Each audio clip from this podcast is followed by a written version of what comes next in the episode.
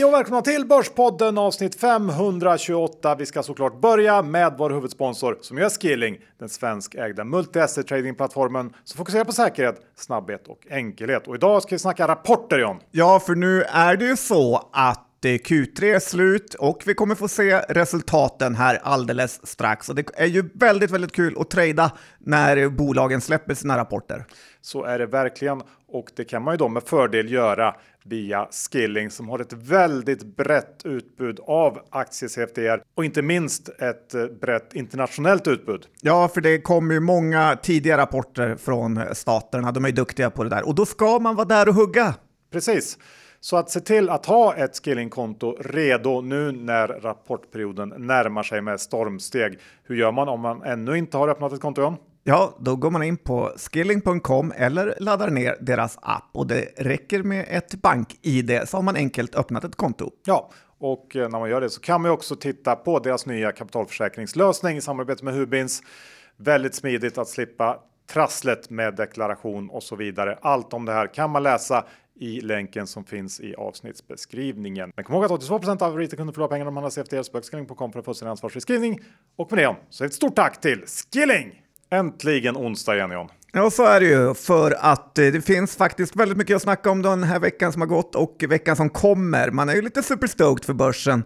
Eh, vi ska gå igenom finansloppet, vi ska gå igenom Kristerssons tal och en hel del case, även lite bitcoin. Men nu har jag sagt för mycket.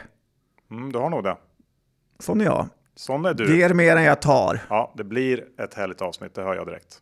Vi är denna vecka sponsrade av Karla som är Sveriges enda elbilshandlare där du kan köpa, sälja och leasa elbilar och laddhybrider online. Och John, både du och jag är ju numera elbilsägare. Vad gillar du mest med elbilslivet? Det främsta är nog faktiskt eh, axet får jag säga. Det känns som man kör ett litet, litet spjut, någon typ av JAS Gripen-plan. Det är sånt enormt mycket snabbare ax i elbilar än i dieselbilar. Ja. Eh, jag instämmer, men jag gillar nog nästan lite mer det här med att man kan ladda hemma. Det är ju extremt smidigt, slippa åka till bensinstationen.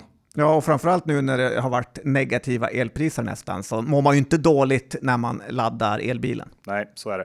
Och med Kala så blir det ju också lika härligt att köpa elbilen också. För Kala är ju Sveriges mest eh, omtyckta bilhandlare. Ja, så är det. Och jag ser nu på sajten att de har hela 222 elbilar till salu. Mm, 4,9 av 5 på Trustpilot i betyg, vilket väl är unheard of i bilhandlarvärlden. Ja, världsrekord förmodligen. Ja.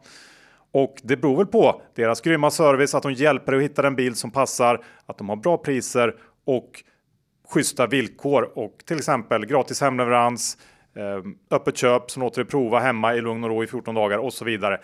Så gå in på karla.se och eh, se om det finns någon bil där som passar just dig. Nej, du kommer inte vara missnöjd om du köper en elbil via Karla. Det kommer du inte vara. Vi säger stort tack till Karla! Johan Dr. Bass Isaksson Index är i svaga 2147.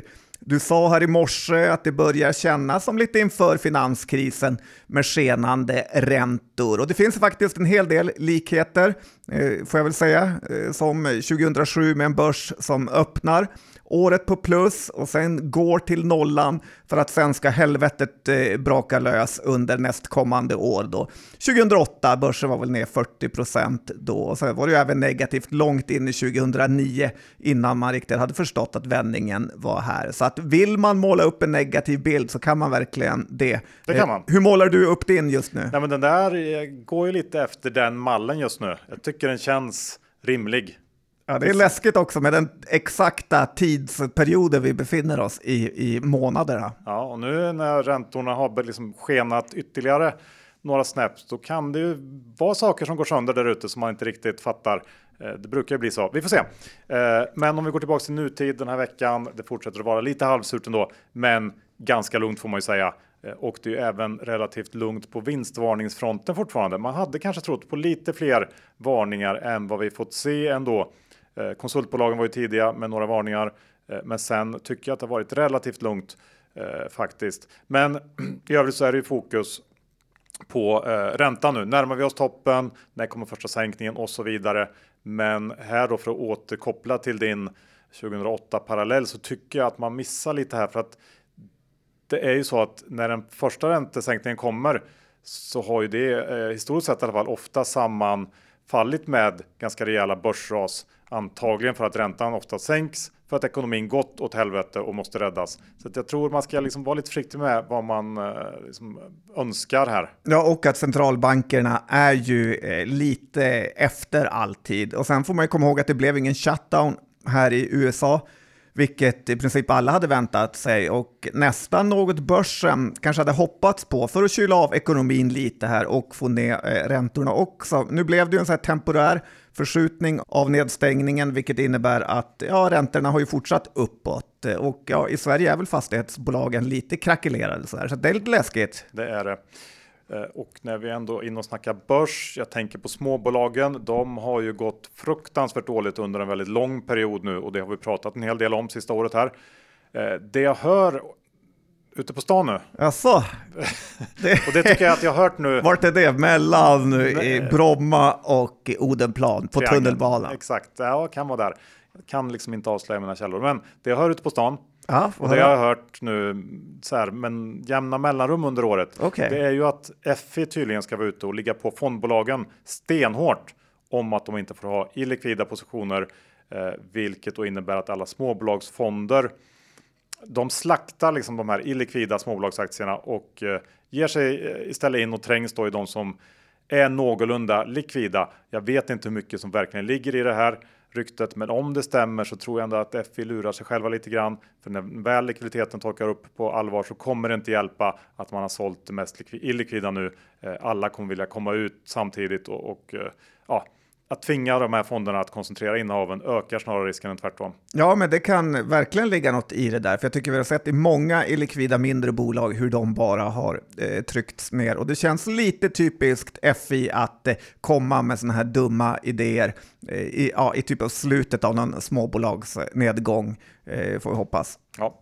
Du, ska vi ta och eh, beta av det här med Hässelbyloppet. Jag är så ofattbart trött på dig och Snåljåpen och er bromance nu. Så att, men berätta. Ja, men det är lite typiskt dig och Vasan. Lite avis där. Det var ju eh, loppet som alla känner till nu mellan Ja, främst Snåljåpen och mig, men även affärsvärldens Björn Rudell var ju med på ett litet hörn. Och några tusen andra som ja, sprang. Ja, men helt sinnessjukt jag ändå säga att du inte vågade betta på mig mot Rudell, eh, mot Benson där. Eh, ja, jag såg ju sen, jag var ju tvungen att kolla upp tiderna. Ja, jag känner lite, så här, lite av en del av mitt hjärta dött där faktiskt. Nej, men jag var ju på, men så här, det var ju också som att liksom, det kändes som att Benson höll på liksom en monsterbluff lite grann. Alltså, jag vågade inte syna för han var så Kanske ska bli pokerspelare Benson, jag vet inte. Ja, förmodligen. Han har ju eh, något där, stor tilltro till sig själv i alla fall. Men, men, ska vi titta på det här loppet då, så blev det lite av en sinnessjuk duell ändå, Johan. Du mår inte bra av det här.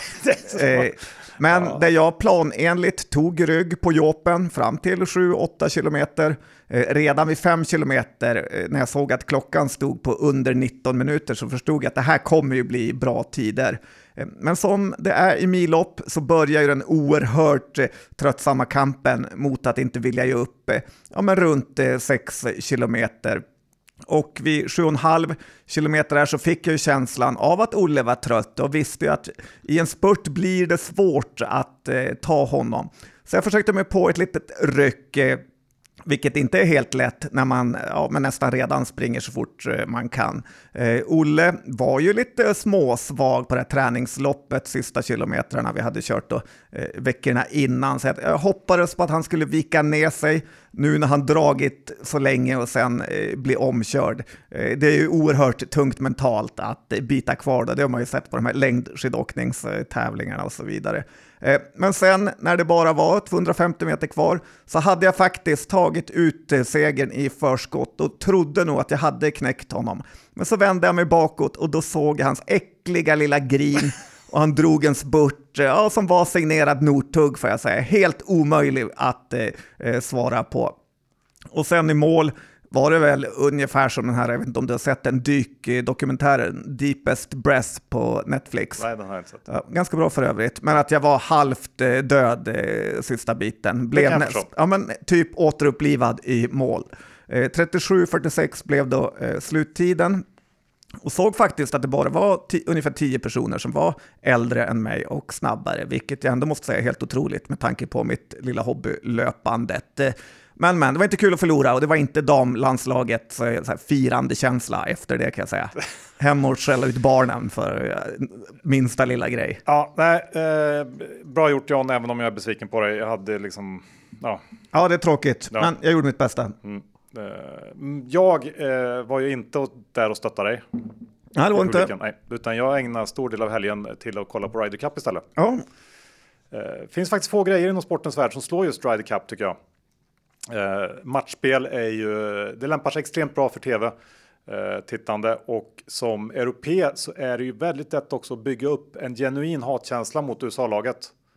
Vilket jag gjorde då under helgen. Alltså, ja. Du kände inte det? Jag började heja på USA när de låg under och hade velat se en amerikansk comeback. Ja, ja. Eh, nej, men jag har funderat lite kring det där för att nu när vi har hela det här EU-projektet så kanske det inte är så dum idé att skapa lite mer tävlingar av den här typen för att stärka känslan av att vara just en europe. Det finns ju inte så många sådana sammanhang, sammanhang i övrigt tycker jag. Johan Liberalerna Nej, Isaksson. Och, uh, Ut och jobba i EU-parlamentet. Ja, faktiskt. Eh, det är ju ganska mycket snack också om att Europa är fullständigt dekis. Vi, vi liksom är i princip bara ett museum för rika amerikaner och asiater som liksom älskar att gå runt och titta på hur pittoreskt allt är och så där. Men när Team Europe tog hem Ryder Cup, bucklan i söndag, så kände jag ändå att det finns faktiskt en vinnarmentalitet här med som kan ta oss någonstans om vi bara fokuserar lite grann.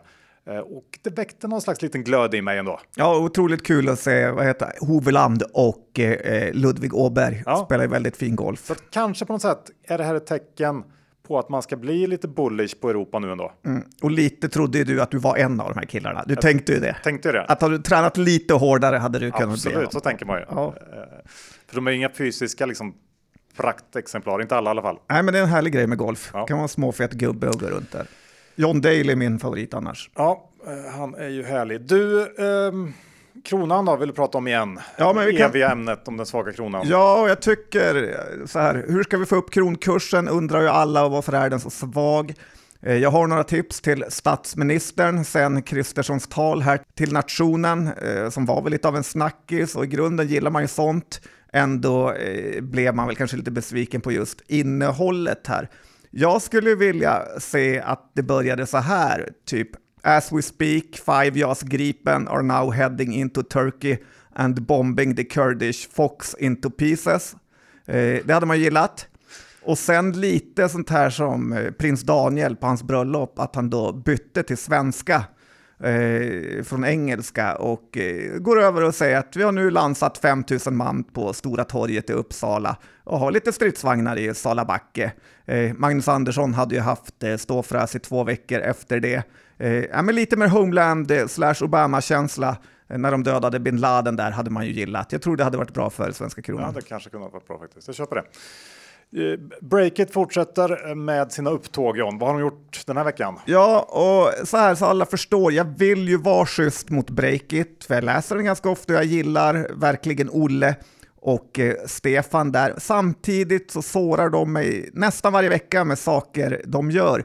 Jag vet inte om du har läst det här eller följt det här senaste, men hashtag inte ensam. Nej, passerat mig totalt. Ja, skönt för dig då, men det handlar ju om hur otroligt tufft det är att vara entreprenör. Alltså, eh, det är ofattbart eh, svårt att tycka synd om rikemansbarn som sitter på något svindyrt kontorshotell i Stockholm och eh, kommer på helt värdelösa saker och sen måste de berätta för alla hur tufft det är. Bara sov inte mer än tre timmar per natt eh, när jag startade mitt Hubba Bubba Delivery-företag. Nej, men det är för att ingen vill ha det som... Eh, det behövs inte, det var ingen som efterfrågade det. Eh, för så här, att ens vara entreprenör är ju en enorm lyx som bara de allra mest privilegierade ens kan kosta på sig från första början och vara.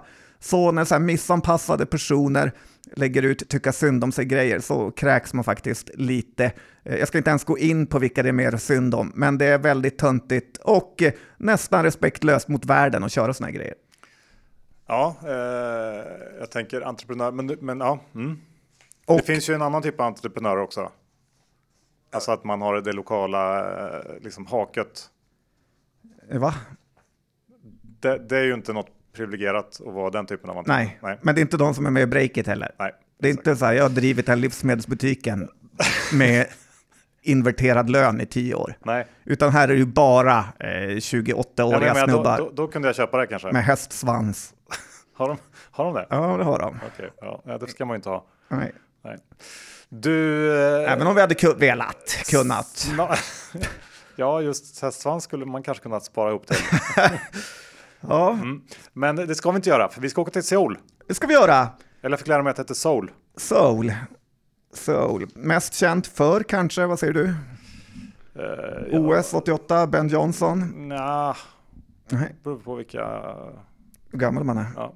Nej, men så här, det blir spännande och jag gissar på att vi kommer lägga ut eh, lite roliga saker på BP's Insta och eh, Twitter. Eh, men det är också något weird med att resa så här, eh, känner jag. Kanske mest eh, man ska checka in på hotellet i samma rum.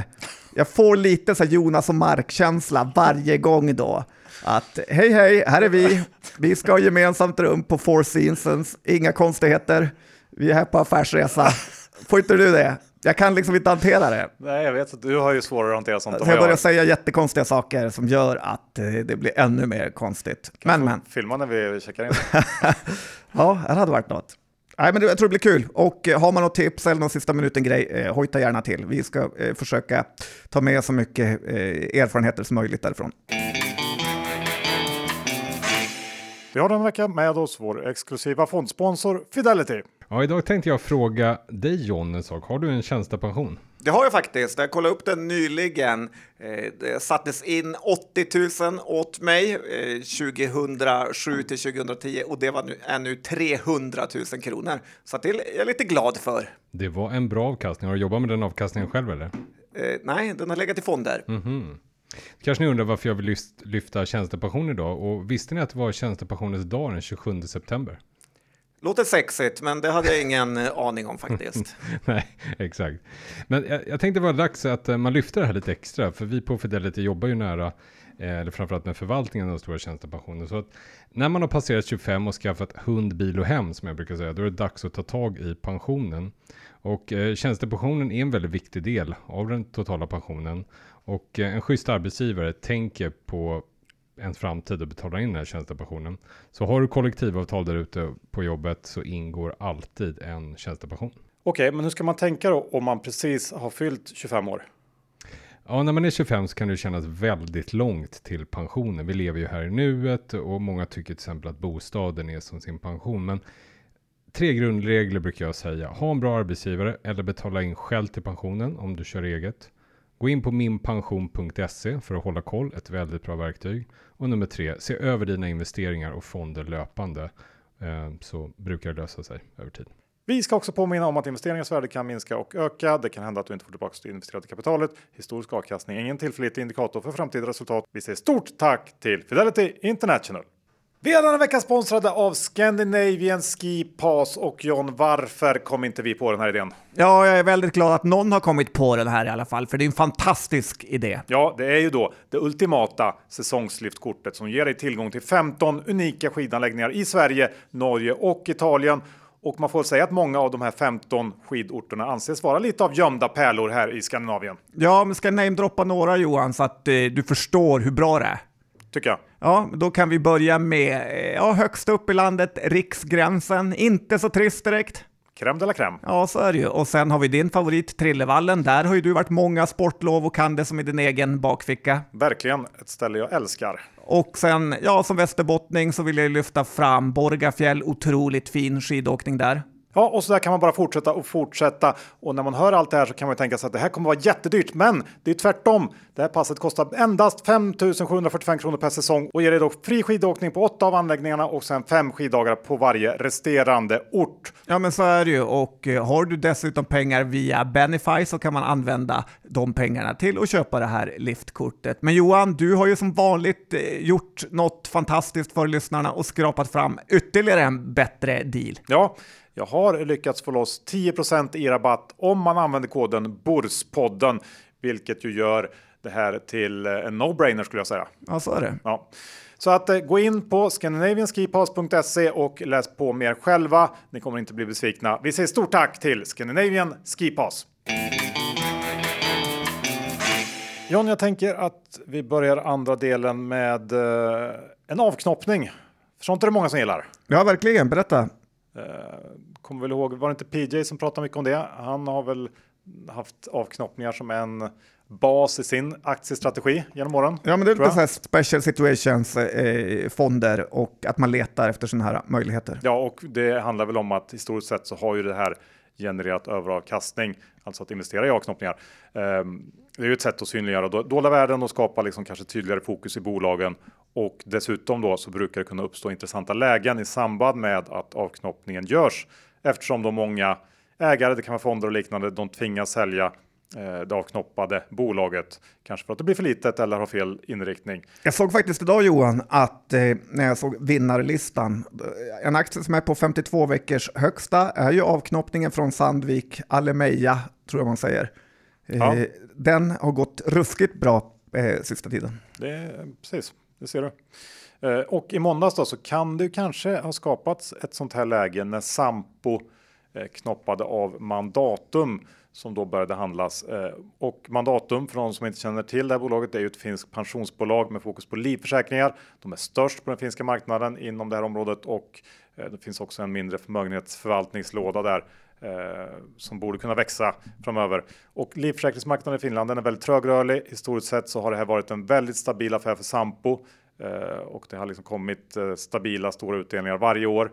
Inför avknoppningen här så kommunicerade Eh, mandatum, mål om att dela ut 500 miljoner euro totalt under kommande tre år och att det eventuellt kan bli ännu mer och det innebär då någonstans 165-170 miljoner euro per år, vilket eh, inte borde vara några problem för mandatum som förra året gjorde. Drygt 200 miljoner i vinst och eh, de har också en väldigt stark balansräkning.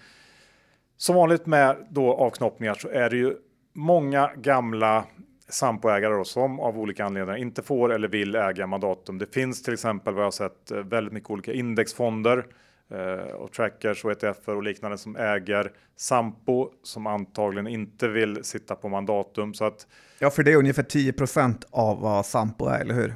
ja, precis. Eh, så att man Så att det ju- blir ett jättelitet innehav. Ja, man får väl räkna med och så har det också varit här första dagen ett stort uh, säljtryck i aktien. Och vad jag har sett så här långt från analytiker så verkar de flesta tycka att den här aktien ska handlas runt 4-5 euro.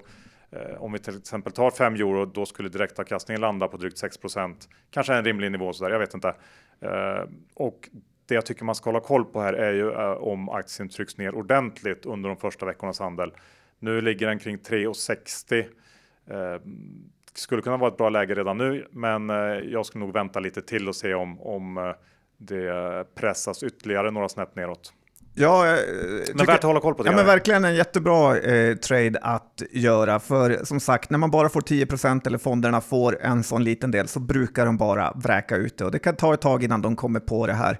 Eh, det är utländska fonder och så vidare, indexfonder. Så att eh, verkligen bra läge att snappa upp det här om den eh, trycks ner. Ja, men oftast kan man ju inte vara för snabb eller het på gröten i sådana här lägen, utan man kanske ska köra din eh, klassiska snittningsmetod. jag vet inte, men Ja, och det här är ju ett härligt bolag att snitta in sig i, för man vet att det är stabilt. Det är inget biotech eller konstigheter. Så att går det mer köper man mer.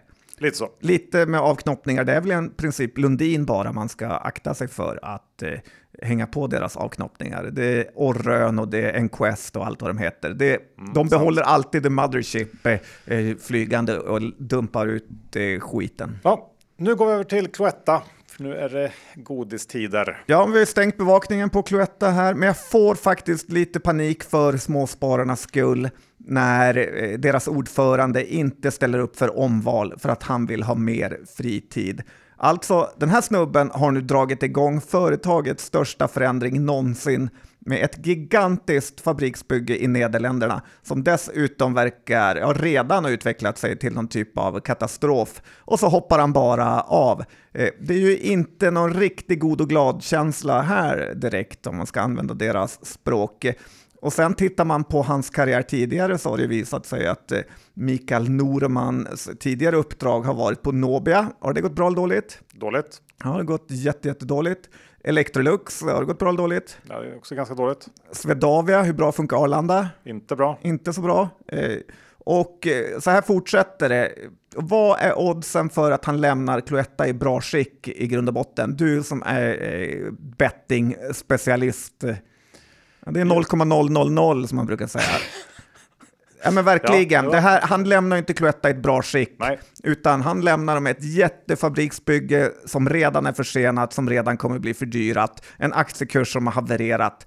Och sen säger han, jag ska fortsätta titta eh, på bolaget som aktieägare för att han äger aktier för en miljon. Eh, det är pinsamt och den här snubben ska inte ha så många mer jobb, utan han kan gott ta lite ledigt. Ja, det låter bra faktiskt.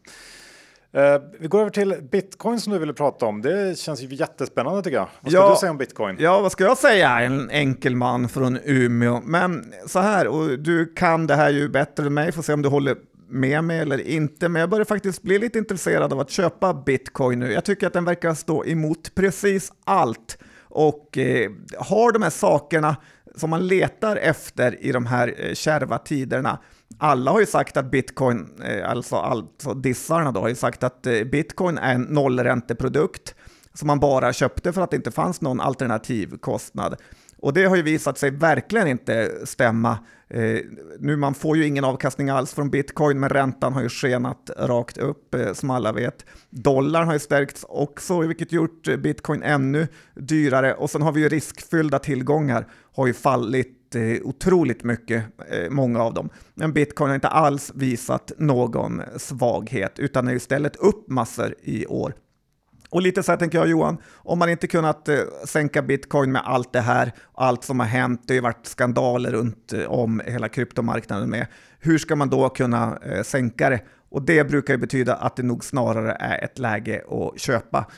Svårare än så behöver det inte vara faktiskt. Nej, jag håller med dig. Vad ska jag säga om det här? Nej, men jag är intresserad. Den är 28 000 dollar nu. Eh, den är stark. Det verkar vara väldigt svårt att ta knäcken på Ja, det är imponerande.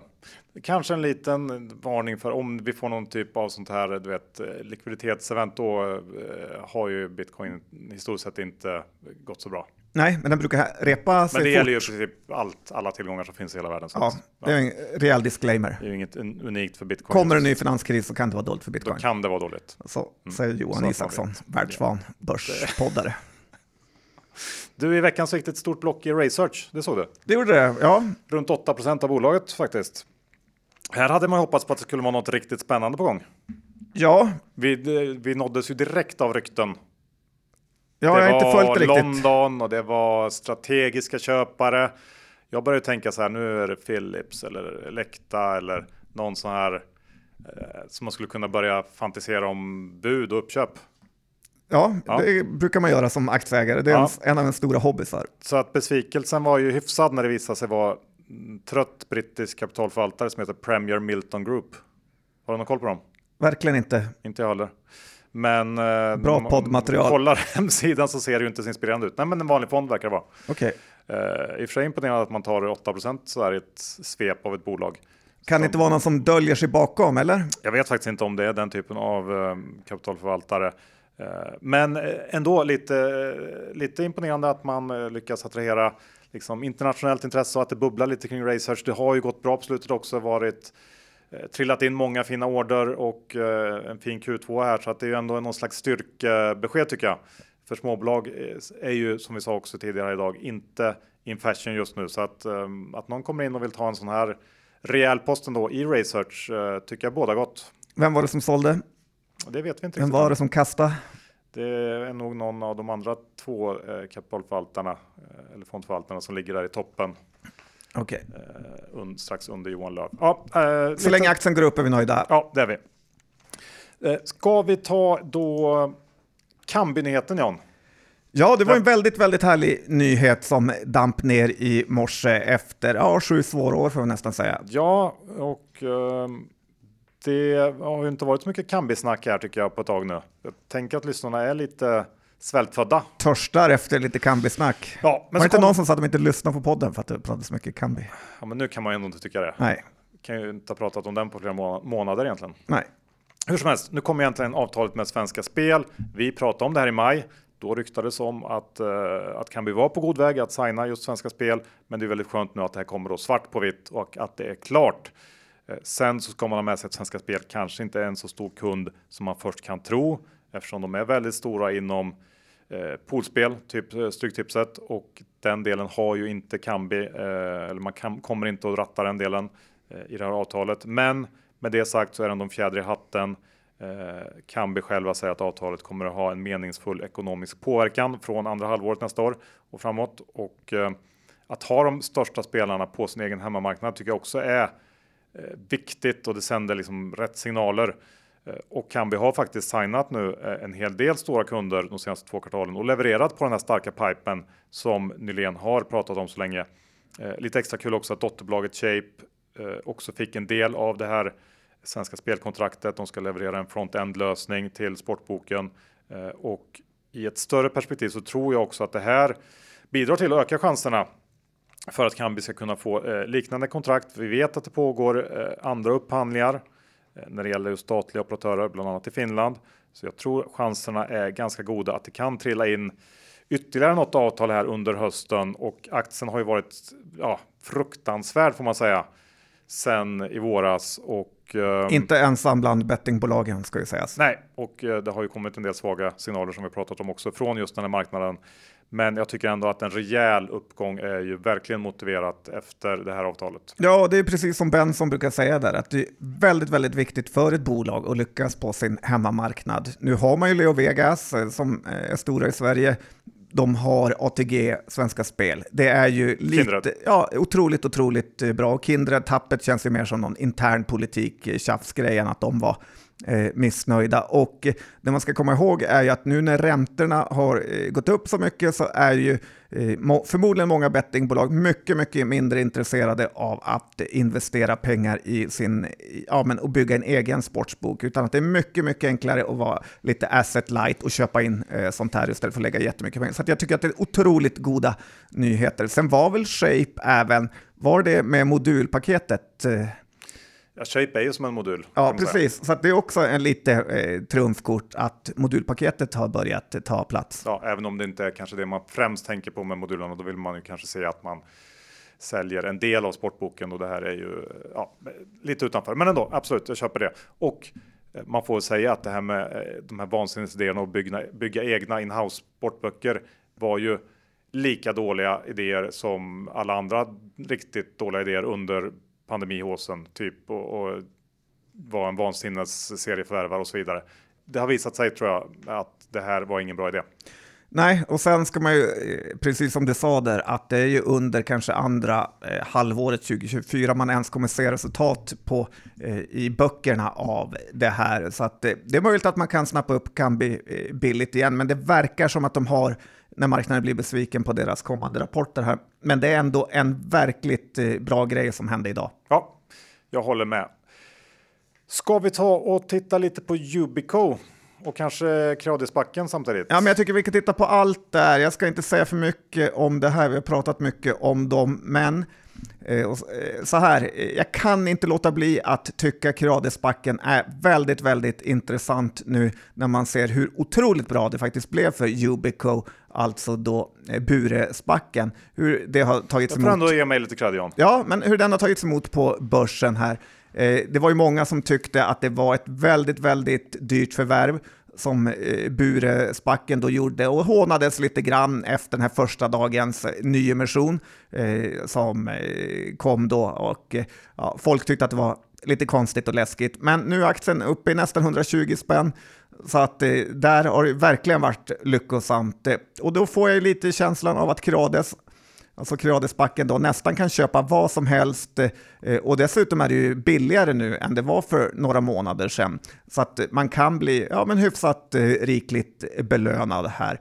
Så att jag fortsätter behålla mina eh, Kradesbackar. Ja, men det är nog inte så dum idé alls faktiskt. Jag, jag köper det. Jag tänker också att vi ska adressera det som har hänt i Truecaller här i veckan. Ja, det vore Kul! Lite Dr. Bombay-varning över dig här nu när aktien var ner 7% igår. Jag kände att jag skulle skicka den låten, men ja. vågade inte riktigt Nej. för du har varit lite tilt-mode. Men eh, ja, idag är det roligare. Ja, men det, det blev någon slags ras i måndags och Jag tror väl att det framförallt uppstod någon typ av rädsla i marknaden för analytikermassage och många väljer då sälja först, fråga sen kanske. Nu är det ju så att Truecaller. Det är inte så massage eh, funkar. Man ska fråga först och sen säljer man. ja, jo, men det. Jo, jag förstår hur du menar. Mm, mm, mm. Men nu är det så att Truecaller befinner sig i en tyst period. Det gör ju egentligen analytikermassage uteslutet. Eh, det skulle väl hänt förra veckan i så fall. Det som faktiskt hände var ju att man i Indien klubba genom en höjning av spelskatten på online gambling från 18 till 28 procent och det handlar då om 28 procent i skatt på insatsen. Inte som här hemma i Sverige nettot av liksom vinster och återbetalningar. Och alla förstår ju att det går inte att driva en verksamhet under de förutsättningarna, vilket fått då hela den industrin i Indien att rasa. Nu har inte Truecaller några kasinon eller gamblingkunder alls eftersom de tidigt tog ett policybeslut och inte tillåta den typen av annonsörer. Men det de har, det är sådana här Fantasy League-bolag som kunder. Du vet eh, vad jag menar? Ja, jag har till och med ett sånt Premier League-lag. Ja, precis. Och tydligen så omfattas även de här bolagen av den här skatten. Eh, enligt Alan så har man eh, intäkter från den här typen av bolag nästan enbart under den här IPL-säsongen, alltså cricket-säsongen som brukar. Som du är väldigt insatt i. Jag är det. Eh, absolut. Eh, nä nästan bara då. Den brukar ju infalla under Q2. Eh, och det rör sig ändå om ganska små summor sett till totalen. Eh, det är möjligt att det här kan påverka Truecaller under Q2 nästa år då, då eh, IPL pågår. Men det kan ju också vara så att andra annonsörer kan fylla det här tomrummet som eventuellt uppstår och det är ju inte heller helt säkert att skatten ser likadan ut då eftersom man i Indien ska se över det här beslutet om sex månader igen eh, och se hur det gick. Eh, det är väl inte helt omöjligt att tro att det kan ändras igen då. Så att med andra ord så tycker jag att det här verkar vara en, eh, en storm i ett vattenglas. Det är nervigt nu. Bolaget är inne i en tyst period. Återköpen också pausade. Det gör ju att det är en perfekt period för blankare att trycka på lite extra på den här typen av nyheter och sprida lite oro. Ja, så har du det tur att jag finns här. ja, men så har det ju varit väldigt eh, bra att eh, köpa under de här negativa perioderna när blankarna har hetsat på, bolaget har inte återköpt och inte kunnat försvara sig. Så har rapporten kommit så det visat sig gå ganska bra. Det negativa är ju fortsatt med ett bolag som opererar i Indien, att man aldrig riktigt vet vad som pågår. Det är lite cricketsäsonger, det är lite, man har liksom inte ens hört talas om det. Absolut. Och om det är något som inte är en tv-sport är det ju cricket. Det pågår i sju dagar en match. Ja, fast det är väl ändå många som gillar att kolla på det. Ja. TV. Konstigt okay. nog. Ja, men jag håller med. Svintråkigt. Men, men det, det är eh, väl min fortsatt eh, kritik, att du aldrig riktigt vet vad eh, som händer. Men jag har köpt lite mer i förhoppning på att du har rätt. Ska vi avsluta med eh, dagens tråkigaste bolag då? Ja, men vi kan väl göra det för att eh, få den här eh, riktiga eh, osköna känslan innan vi lämnar podden. Men jag vet inte, du läste säkert inte det här, med Leifbys artikel, alltså Aftonbladet, om hur TV4 hanterar sina sportsändningar nu. Den läste du inte? Nej, den har jag inte läst. Nej, du var, läste om Indien bara då. Eh, det var ju inte positivt kan jag säga i alla fall. Och eh, när man ser hur ett bolag som Telia behandlar sina sporträttigheter som ändå är värda pengar så undrar man om de är på riktigt helt slut i huvudet. Eh, man bara i princip filmar en arena och sen låter man kameran stå på i periodpausarna. Det är helt obegripligt, det är ingen studio, ingenting. Eh, och likadant är det med NFL, och det här är en sport som har ofattbart mycket avbrott. Eh, det är så dåligt, så dåligt och otroligt hur man kan hantera rättigheter så här som man har köpt. Det är katastrofala sändningar, eh, kul att någon fler än jag Typ, eh, upptäckte det Och det känns lite som att det TV4 Simor förvärvet har hamnat i någon typ av obryddhetslimbo, eh, fallit mellan stolarna och eh, jag skulle inte bli förvånad om Telia säljer den här delen för någon liknande prisfall som Viaplay har varit med om. Att de här 10 miljarderna Telia betalade nu kanske värda en, två. Och eh, ja, hela poängen med det här är att man inte kan äga bolag som har så här lite respekt för aktieägarnas pengar. Men man får väl säga well played Bonnier då. Slut på avsnitt 528. Vi säger stort tack till vår huvudsponsor Skilling. Se till att öppna ett konto om ni inte redan gjort det. Men kom ihåg att 82% av riktigt kunder får pengarna om man har CFD på skilling.com för en ansvarsförskrivning. Ja, mycket bra Johan. Och det är ju bara att gå in på deras eh, sajt eller eh, ladda ner appen så är man igång. Ja, ska vi inneha fanns faktiskt en del idag eftersom det har hänt en del i just de Eh, eller några i alla fall av de bolag jag äger. Truecaller såklart. Där eh, har jag aktier. Kambi, japp. Research, jaje då. Hur ser det ut för dig John? Ja, men lite trist att jag äger ju precis dem också faktiskt. Camber Research Truecaller. Mandatum sitter man och kikar lite på. Ja, det vore kul om den kom ner ytterligare. Ja. Ja. Inga men- Cloetta, Nej. för så bra är vi. Ja, lite Kradesbaxa också. Och du, har, har inte du Yubico? Där har jag tagit hem vinsten faktiskt. Ja, Sån var jag. trevligt, trevligt. Ja, men det gick snabbt den där Uffe rekaren. Ja, lite det hoppas jag väl ska hända i Kradesbacken om de Så köper att, något. eh, Man får också inte glömma att ta hem vinster i de här tiderna. Det är bra tips du ger här i En fågel i slutet. handen. Är mer värd. Ja, en jättemånga fåglar i skogen. Du, och när man lyssnar på det här, då sitter vi antagligen någonstans i luften på väg Up in the air. Asien. Så är det. Och eh, kommer väl eh, komma lite grejer därifrån nästa vecka. Så att eh, ha det bra fram till dess så hörs vi då. Hej då! Det gör vi. Ha det bra. Hej då!